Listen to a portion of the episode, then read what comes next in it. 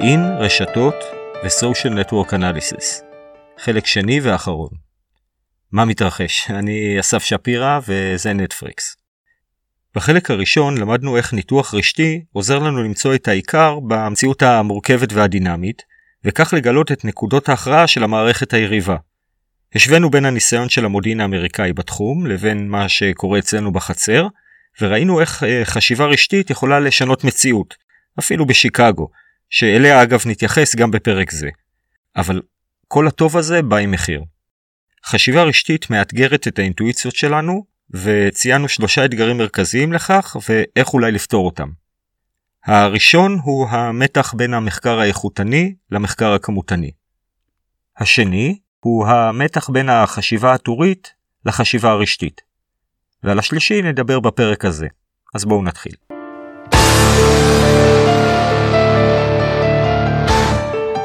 עכשיו הגענו לאתגר השלישי והאחרון בהקשר של הטמעת החשיבה הרשתית, והוא המתח בין גישת התרחיש לגישה מוכוונת נתונים, או Data Oriented. במאמרים רבים שעוסקים בקשר בין מדע למודיעין, מתואר קצין המודיעין כמדען שמעלה תזות ונדרש לאשש אותן או להפריך אותן. וכך, לפי עקרונות גישת התרחיש, איש המודיעין ידמיין תרחיש או סינריו, ואז יחפש אותו בנתונים. במאמרים האלו קיים המון עיסוק באיך לאשש או להפריך תזה, ואין פילוסוף אחד שלא הואר מרבצו לחוות דעה בנושא.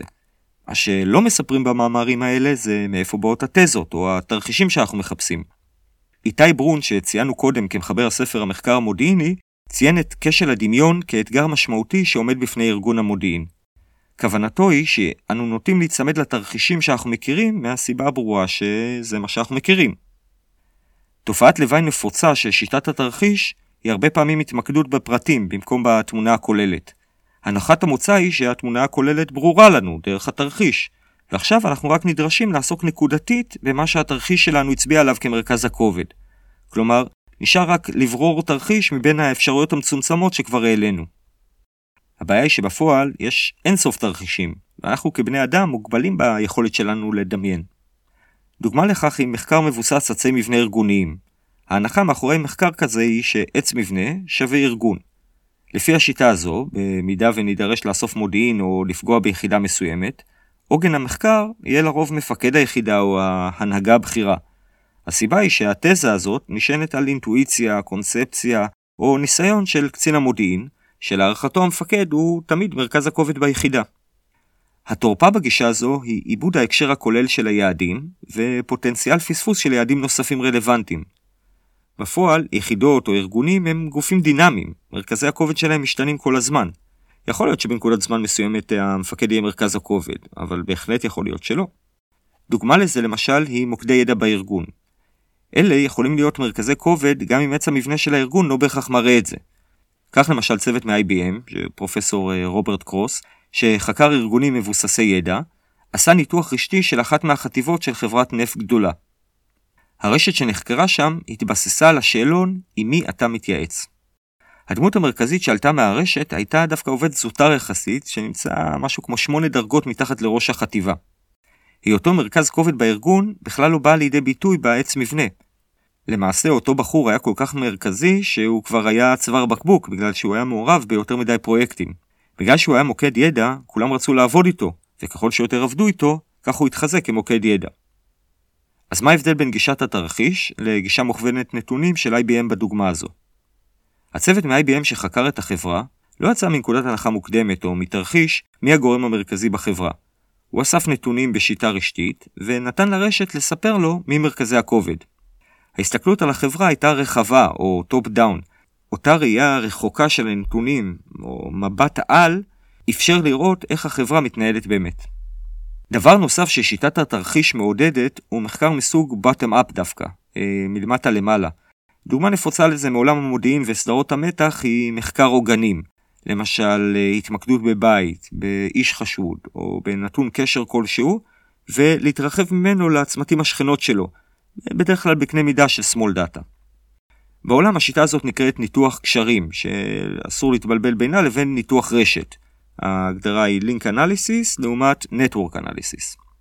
התורפה בגישת ניתוח הזו היא בהנחה מוקדמת שהמדגם שנחקר בשיטה הזו הוא העיקר. ניתן דוגמה קצת קיצונית. מנקודת מבט bottom-up של חוקר, או בגישת ה-small data, ידיעה של שני פעילים שמתלוננים על אה, רעב יכולה להביא את החוקר לידי אקסטרפולציה, וקביעה כי יש בעיות לוגיסטיות ביחידה הנחקרת, מתוך ההנחה שידיעה בודדת מייצגת מבחינה מדגמית מצב נתון, למרות שאולי מדובר באירוע נקודתי.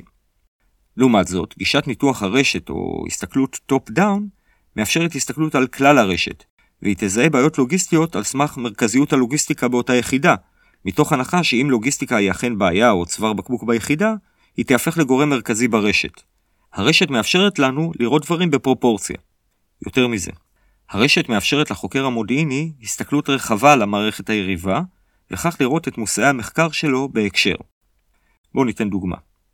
ניקח לדוגמה חוקר שנדרש לחקור יחידה X, שמהווה חלק מארגון גדול יותר, נקרא לו Y. לכאורה, החוקר אמור להתעניין רק ביחידה X, שאר ארגון Y לא מעניין אותו. אבל מחקר רשתי של כלל הארגון, למשל על ידי שימוש בגרף הקהילות עליו דיברנו בפרק הקודם, יכול להצביע על כך שיחידה X היא היחידה המרכזית בארגון, וזו תובנה שניתן להגיע אליה רק ממחקר על כלל הארגון.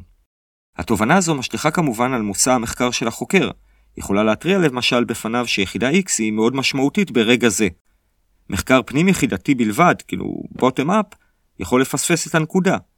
ובימינו להסתכל על כלל הרשת או על חלק מהרשת, זה כבר לא הבדל כל כך גדול. המחשבים חזקים יותר, מה לעשות. בעידן הביג דאטה, מבחינה נקרא לזה טכנולוגית, דורש כמעט אותם משאבים. ומה אם לפעמים אין לנו ברירה, ואנחנו נדרשים להתחיל מקצה חוט כלשהו, כלומר חייבים לעבוד בטם אפ. לא תמיד כל הרשת ישר חשופה בפנינו. אז בלית ברירה, אנחנו נתחיל את הניתוח שלנו בניתוח קשרים או לינק אנליסיס. אבל אנחנו נהיה חייבים לייצר סביבה והקשר ליעד. כלומר, לנסות להתרחב ככל האפשר במעגלים סביבו. כך נשאל את עצמנו למשל על סביבת היעד. למשל, עם מי בקהילה הוא נמצא. האם נוצרת איזושהי קליקה או קבוצה צפופה של גורמים מעניינים? האם היעד הוא חלק ממנה? כדי להימנע מהטיה לטובת קצה החוט שלנו, אנחנו תמיד נשאל את עצמנו האם היעד עולה מול הרבה גורמים, מי הוא נמצא בקשרים חזקים. אם הוא לא בקשר עם גורמים מעניינים או לא עולה כגורם מרכזי, אולי הוא פחות מעניין. האם יש אולי מישהו אחר ברשת שנראה אטרקטיבי יותר למחקר? לנו זה ברור שככל שהרשת יותר מונחת בפנינו, החיים הרבה יותר קלים, אבל פעם זה לא היה ככה. SNA והטכנולוגיות הקיימות מאפשרות לנו כיום להסתכל על הדאטה בצורה שלא הייתה אפשרית בעבר. במקום לנסות לברור את הנתונים הרלוונטיים, SNA מאפשר לנו לנתח את כל הדאטה top down, ולכוון אותנו להתמקדות בעיקר, ויותר מהכל, לגרות את הדמיון שלנו לספר סיפור. אתן דוגמה. נגיד שאנחנו עוקבים אחרי רשת של חטיבת אויב במהלך לחימה, והנתונים מצביעים שמרכז הכובד של הרשת הוא הגדוד הצפוני. אלה הנתונים. אבל הם מגרים אותנו לפרשנות, למשל, אולי הגדוד הצפוני הוא המאמץ העיקרי של האויב, והרשת חושפת זאת בפנינו על ידי זה שהיא מראה לנו שהוא מרכז הכובד. עוד דוגמה למקרה שהרשת יכולה לגרות את הדמיון שלנו, היא הניתוח הרשתי שנעשה לארגונו של אל קפונה, המאפיונר הנודע, שנשפט ב-1931 על אה, העלמת מס בארצות הברית.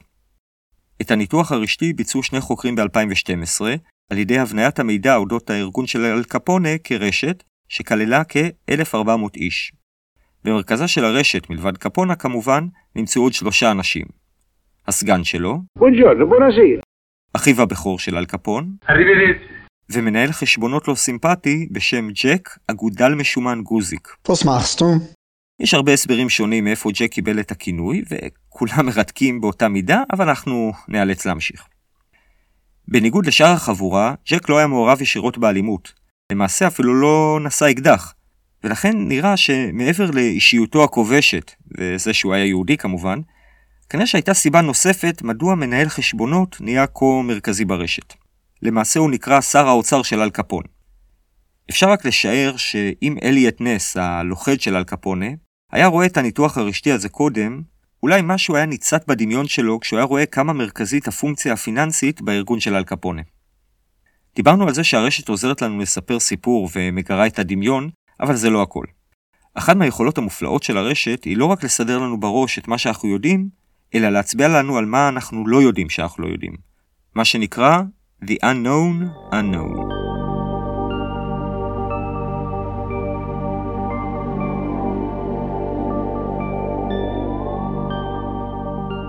צבי לניר, חוקר שעסק רבות בנושא ההפתעה המודיעינית, עשה הפרדה בין שני סוגים של הפתעות. הראשון הוא הפתעה מצבית, כלומר, איום שההפתעה בו היא לא עצם קיומו, אלא התזמון שלו. השני הוא הפתעה בסיסית, שזה איום שכלל לא ידענו או חשבנו להיערך אליו. בואו ניתן דוגמה צבאית לשנייה. כשאנחנו נכנסים לקרב אורבני, אנחנו יודעים שיחכו לנו שם מטענים וירי צלפים, ואנחנו נערכים לזה, על ידי זה שאנחנו מעבים את השריון של הכלים שלנו, אנחנו לומדים תרגולות, אבל עדיין אנחנו יכולים להיות מופתעים מהתזמון של מימוש האיום. לעומת זאת, אם האויב הזה יכריע אותנו באמצעות מל"טים מתאבדים שכלל לא ידענו שיש לו, זאת תהיה הפתעה בסיסית. במקרה הזה, תפיסת האויב שלנו הייתה יבשתית בלבד, לא חשבנו על המימד האווירי כאיום. בגלל הקושי המובנה בלנסות לדמיין תרחישים שאנחנו לא יודעים על הקיום שלהם, גישה מוכוונת נתונים יכולה לסייע פה. ההנחה מאחוריה היא שהנתונים על האיום קיימים, אבל כדי להציפה משלל המידע, אנחנו נצטרך לחשוב רחב. וכאן הניתוח הרשתי נכנס לתמונה. במקום לנסות לדמיין מאמצים לא מוכרים של האויב ולחפש אותם כמו מחט בערימה של שחת, נסתכל על כלל הרשת של האויב, וכדי להתמודד עם כמות הדאטה הגדולה, נעזר בחוק הרשת מספר 2 ונחלק את הרשת לקהילות. מכיוון שכל רשת ניתן לחלק לקהילות, ולכל קהילה יש היגיון הומופילי משלה, חלוקת הרשת היריבה לקהילות תספק לנו, בזמן אמת, את המבנה האמיתי של מאמצי האויב. כך ייתכן ונגלה שבניגוד לעץ מבנה היחידתי של האויב, הרשת דווקא תתחלק לקהילות אחרות, שיכולות להביא לידי ביטוי למשל מאמצים משותפים של מספר יחידות, שיתאגדו להן ברשת כקהילה תחת מאמץ משותף שאפילו לא שיערנו שהוא יקרה, או אולי אפילו נגלה קהילות או מאמצים שלא הכרנו. בפרק בנושא קהילות הבאנו כדוגמה את רשת המאמרים האקדמיים, וכיצד חלוקת הרשת לקהילות חשפה את תחומי העניין השונים המעסיקים את האקדמיה. unknown unknown בהקשר הזה, יהיה למשל קהילה שנתקשה למצוא לה שיוך תיוג. במצב כזה ניתן יהיה להניח שמדובר בתחום אקדמאי חדש ולא מוכר, שלא ידענו לשאול עליו, אבל הנתונים הציפו אותו. ובהקבלה לעולם האופרטיבי, החלוקה לקהילות יכולה להציף לחוקר מאמץ של האויב שלא ידענו לשאול לגביו, וככה להכווין את הזרקור של המשאבים לפינות החשוכות של המערכת היריבה.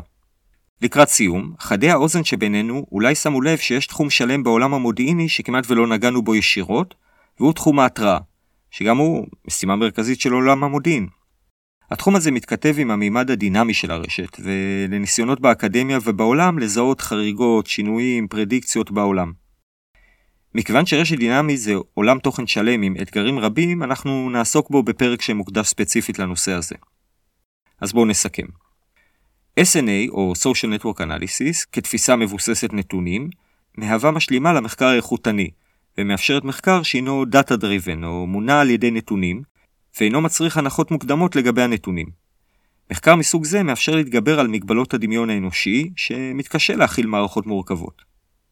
הנחת יסוד מודיעינית בבסיס תחום מחקר זה, היא שהמערכת היריבה היא רשת, ובגלל זה חלים עליה כלל החוקים האוניברסליים שמאפיינים כל רשת. כיוון שהתפיסה הזו מתבססת על חוקים אוניברסליים, ישימה על כל מערכת יריבה, ללא קשר לסוג המערכת, לגודל שלה, אם היא נמצאת בשגרה או בחירום, והאם מדובר במלחמה הקודמת או במלחמה הבאה עלינו לטובה. זה היתרון של חוקים אוניברסליים. הבנת החוקים האלה מאפשר מבט להתנהגות הרשתית של המערכת היריבה, וכך לחשוף כיצד היא פועלת באמת, ולאו דווקא כפי שהיא רוצה להציג את עצמה, או אפילו כפי שהיא תופסת את הפעילות שלה עצמה. כך יכול קצין המודיעין להביט על מושאי המחקר ממעוף ציפור, top down, ולצלול לאזורים הרלוונטיים ברשת, תוך שמירה על ההקשר הרחב של המחקר. ניתוח האויב כרשת הוא תפיסה שמאפשרת להבין כיצד המערכת היריבה פועלת באמת ובזמן אמת. זה בהתבסס על ניתוח big data של ההתנהגות הרשתית של המערכת היריבה. היכולת הזו היא בעלת פוטנציאל תרומה משמעותית גם לטובת יצירת תובנות ברובד האופרטיבי, למשל, לאיזה דרך פעולה מתכנס היריב, וגם לתובנות ברובד הטקטי, לדוגמה, מה צוואר הבקבוק הנוכחי בפעולת היריב, או מי הם הגורמים המקשרים בין יחידות האויב, או מהם מרכזי הכובד של האויב, שאם נפגע בהם הם יביאו לקריסת ההיגיון התפקודי שלו, ועוד כאלה. הדבר הזה נעשה על ידי חלוקת הרשת לקהילות, וזיהוי מרכזי הכובד בכל קהילה, אם לצורכי תיוג הקהילה, או אם לצורך איתור צווארי הבקבוק ומטרות האיכות בהקשר. ניתוח ההיגיון מאחורי החלוקה לקהילות וזיהוי הקהילות המרכזיות מאפשר להבין את מבנה האויב ואת ההתנהלות שלו, וכך לייצר תמונת מצב אויב, מה שנקרא בצבאית תמה, ולאתר דרכי פעולה אפשריות שלו, מה שנקרא בצבאית דפאות. בנוסף, עיקרון ההומופיליה בחלוקה לקהילות, כלומר הדומות שיש בכל קהילה, מאפשר לזהות ולתייג גורמים בלתי מזוהים לפי המיקום שלהם בקהילה. למשל, במידה והגורמים הבלתי מזוהים הם מרכזיים, אז הניתוח הרשתי יכול להצביע עליהם כגורמים להמשך מחקר או צי"ח, מה שנקרא ציון ידיעות חיוניות. זה מושג צבאי שהמשמעות שלו היא שיש לתעדף משאבים למודיעין לפי הנושאים בהם הוא נדרש להתמקד. כלומר, הגורמים המצויחים הם הגורמים החשובים שעליהם צריך להשקיע משאבים כדי לגלות מהם. דבר אחרון, איתור קהילות שלמות שאינן מזוהות כלל, יכול לעיתים להצביע על תחומי עניין שלמים שמהווים unknown unknown, מה, מה שנקרא מה שלא ידענו שלא ידענו. וככה להכווין את זרקור המשאבים לאותן פינות חשוכות שדיברנו עליהן קודם. מסורת המחקר האיכותני היא מפוארת ובעלת הישגים רבים, אבל בעידן הנוכחי, לאור כל האתגרים שדיברנו עליהם, נדרשת, מה זה נדרשת? חייבים את המשלימה הכמותית, ולפיכך טוב שעולם המודיעין נפתח יותר ויותר למדע הנתונים. עד כאן, חלק שני ואחרון. תודה שהייתם איתנו. תשומת לב שהפודקאסט אה, נטפריקס זמין מהיום גם באפליקציית עושים היסטוריה, אה, מוזמנים לחפש אותנו גם שם. בנוסף למלל של הפרקים ו/או להרחבות, מוזמנים להיכנס לאתר snapod.net שזה SNA פודקאסט. תודה ללהקת קומפייל על המוזיקה. נתראה בפרק הבא של נטפריקס.